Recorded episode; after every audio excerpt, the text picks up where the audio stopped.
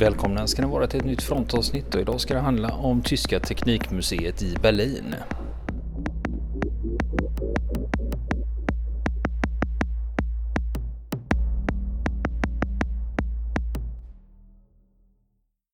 Och nu fortsätter fronten sitt besök på Teknikmuseet i Berlin. Sen kan man då gå ut på en eh, balkong här. Kan man göra det så gör jag det.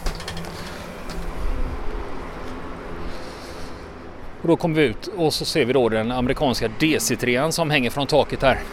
Så man kan gå ganska nära den. Titta man kan gå ut på balkongen här och titta lite närmare på den om man är intresserad. Och det är bara det flygplanet som hänger här ute. Eh, det är, det är märkningen då från amerikanska flygvapnet. Så står det också European Air Transport på den då. Eh, sen har vi återigen en, liten grej om kondoren. Här har man en mittsektion av en kondor. Och den här utställda delen. Den stod tydligen i ett garage i flera år i Leipzig. Så då kan man gå fram och titta på. Jag menar det är ju i stort sett ståhöjd inne i kondoren och den är inredd med bekväma stolar. Det ser ut som en första klass kupé nästan på ett tåg kan man se här. Det är nitad aluminium. Man kan, man får inte kliva in men man kan titta in och nu har jag stuckit in huvudet i en del av en kondor här. Det är inte många som kan skryta om att de har gjort det. Fantastiskt eh, snyggt eh, inredd ska jag säga med heltäckningsmatta och dämpning i taket och allt sånt. Ibland det jag kan ha lite svårt för här det är nämligen när det står flygplan. Okej, okay, men var är var är informationstavlan för just den, det här flygplanet då? Då får man gå runt lite. Och eh, eh man kan ju inte ha ett tyskt flygplansmuseum utan att ha en Junkers 52. Eller hur? Ja, jag ska se lite om den här Junkers 52. Eh, Junkers 52, okej okay, vi förknippar den ofta med Luftwaffe men den hade ju, den användes ju i civilt också har flera olika flygbolag. Här har vi Junkers 52. Ska vi se vad det står om just det här exemplaret då. Det är dumt när jag väl kommer fram till en informationsskärm så just den här funkar inte. Trist. Vi får väl ta ett varv till runt den här Junkers 52 för den hade tydligen lite intressant historia. Bland annat så handlar det då om tyska Lufthansa. Det kallas ju för Tante Jo. Här står det då bland annat om eh, Lufthansa. Mellan 1932 och 1938 så lyckades eh, Lufthansa öka antalet passagerare mer än tre gånger. Eh, 1938 så började de använda moderna flygplan som Junkers 90 och Focke-Wulf FW 200, alltså Condoren. Även under andra världskriget så lyckades eh, flygbolaget ha eh, flygning enligt tidtabellen till länder som var neutrala. Ja, och här var det mera information om Lufthansa. Och här har vi lite information. Ja, de håller nämligen på och projicerar olika bilder på flygplansskärten med olika märkningar. Och man skriver så här att eh, de 26 flygplanen på den här utställningen eh, representerar viktiga punkter i utvecklingen av tyskt flyg från början upp till 50-talet. Varje flygplan berättar sin egen historia. Och det som avslöjar det, det är bland annat eh, hur det är målat och utrustningen och övriga utrustningsdetaljer och hur skicket är på flygplanet. När ett nytt flygplan kommer till samlingarna så genomför man en så så genomför man en research för att få reda på vem är det som använt det och var och när har det använts. Men ibland så blir det att historien inte går att rekonstruera utan glapp. Beroende på resultatet av researchen. Och det är det som avgör då hur man ska presentera flygplanet i utställningen sen. Och målningen på den här junken det, det berättar för oss att från början så flög den här maskinen för Lufthansa. Men det var inte bara den enda målningen som funnits på det här flygplanet. Senare så flögs, eh, flög det här flygplanet för spanska Iberia. Och sen tillhörde det också spanska flygvapnet. Och eh, motorerna, de är spanska Beta Elizalde motorer. Det är också en ledtråd till att den har tjänstgjort lång tid i Spanien. När det restaurerades så målades det då med sin original Lufthansa design.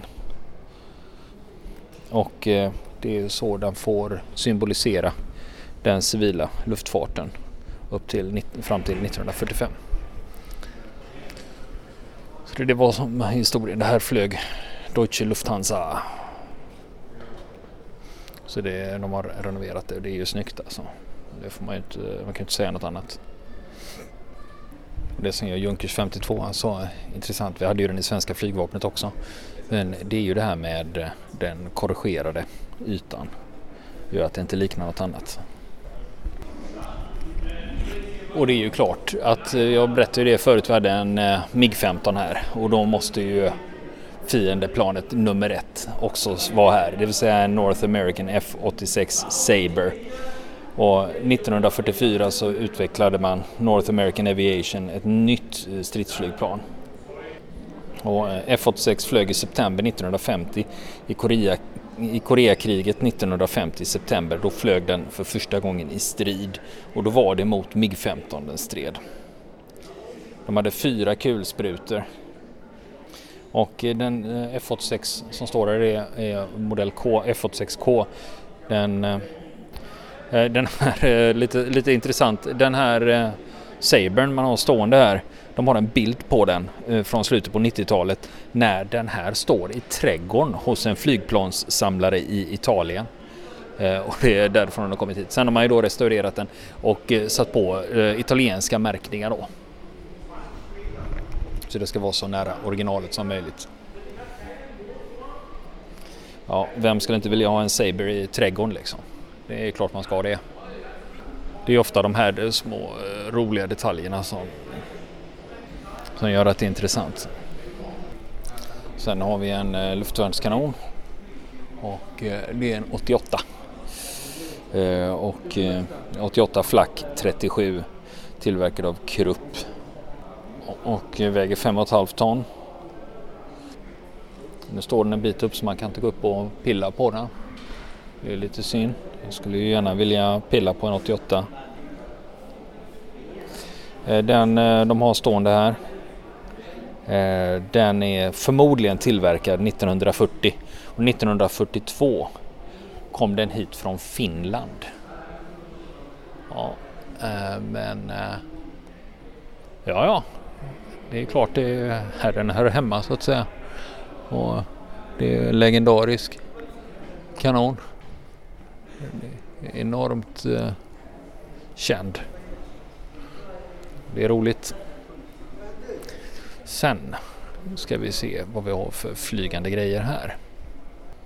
Här har vi en flygplansraket, en jättegammal. Eh, den är utvecklad eh, eh, från 1944.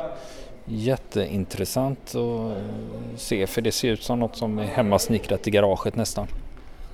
Så det är inte så superavancerat. Sen har vi något som är ganska ikoniskt här. Om jag säger så här Fieseler FI 103. Ja, vad är det då för någonting? Ja, det är inte många som känner till det, men om jag säger V1 eh, och då vet alla vad det handlar om. Eh, i Kassel. De fick sommaren 1942 en beställning från flyg, eh, Riksluftfartsministeriet. Eh, och då ville man ha en, eh, ett vedeldningsvapen för att kunna angripa London. Och då började man med, började man med tester i Peenemünde i december 42. Man började med katapultstarter. Och det är en jet, pulsjetmotor här. 850 kilo sprängmedel sitter i och eh, Och man började sätta in de här från juni 1944. I mars 1945 då hade det bara i Storbritannien flugit in 9251 V1-raketer som är registrerade. Och av dem så var det 2419 som eh, eh, kom till London. Och det blev över 5700 människor som dog till följd av det här. Och 16 000 personer hemlösa eller skadade. Och eh, nu är det den eh, vetan som, som är utställd här, den har de ingen närmare historik kring. Och eh, den som hänger här, den kommer faktiskt från Royal Air Force Museum i Storbritannien. Men sen har vi en intressant kärra som står där och det är Heinkel HI 162. Och vad är det då som är intressant med Heinkel HI 162? I sommaren 1940 det man försökte då, det var ju ett, ett en prototyp här, det är ju Heinkel HI 162. Det var ju det att man hade en jetmotor på ryggen. Och eftersom man hade ont om lättmetall så fick man bygga delar av det här i trä. Och det här flygplanet som står här, det var ganska kort tid som det var med i strid för tyska Luftwaffe. Eh, och det här planet, eh, det togs av engelsmännen i maj 1945. Testflögs i Storbritannien och sen skickades till Kanada. Och från eh, 1964 så stod det ett, eh, eh, stod det ett militärmuseum i Ottawa En brittisk samlare fick tag på maskinen i sommaren, 1900, men i sommaren 2011. Sen har vi en del av ett brittiskt flygplan som sitter där. Det är alltså en del av en vinge och det är från en Avro Lancaster. Då ska vi se. Och den här delen det är alltså en, en vinge med ett eh, nedfällt landningsställ. Och det är den utställda delen kommer från en Avro Lancaster Mark, Mark, Mark 3. Och den hade registreringsnummer DXO, tillhörde 57 flottiljen i Royal Air Force.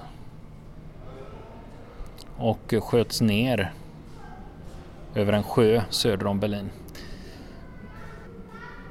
Och 29 september 1997 så bärgades den här delen vid Wunstorfersjön söder om Berlin.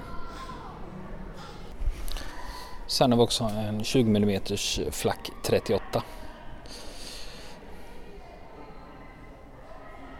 Och eh, det är en enkelpipig luftvärnskanon med ett eh, stort magasin som sticker ut på sidan på vänstersidan. Och eh, de började tillverkas 1938 och det tillverkades mer än eh, 10 000 exemplar. Och den har ju två bildäck på sig och en sittplats för skytten. Jag försöker se vad de har för jag ser inga som helst siktinstrument här. Mer än man har en pedal för, för där man ska ha fötterna så är det för högerfoten så har man en pedal och sen har man en vev då framför sig som man kan man vev framför dig och en vev på sidan då. Så en sköter i elevation och en sköter man ju då i sidled.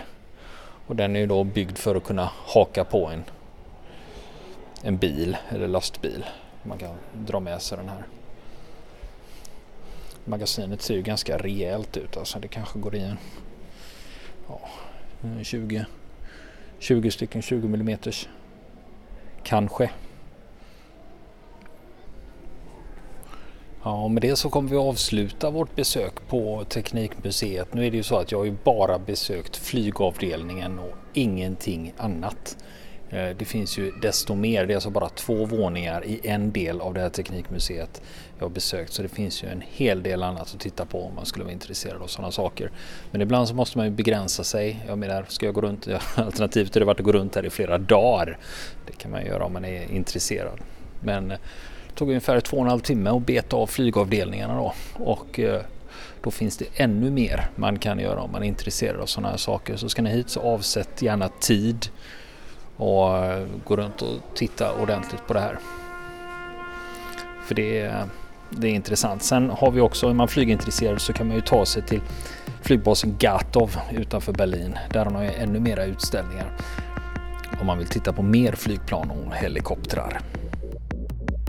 Vill ni komma i kontakt med oss så kan ni göra det via vår Facebook-sida som heter Fronten. Det är inga problem för er att leta er fram där. Eller också så mejlar ni på vår mejladress och det är frontenpodcast.gmail.com.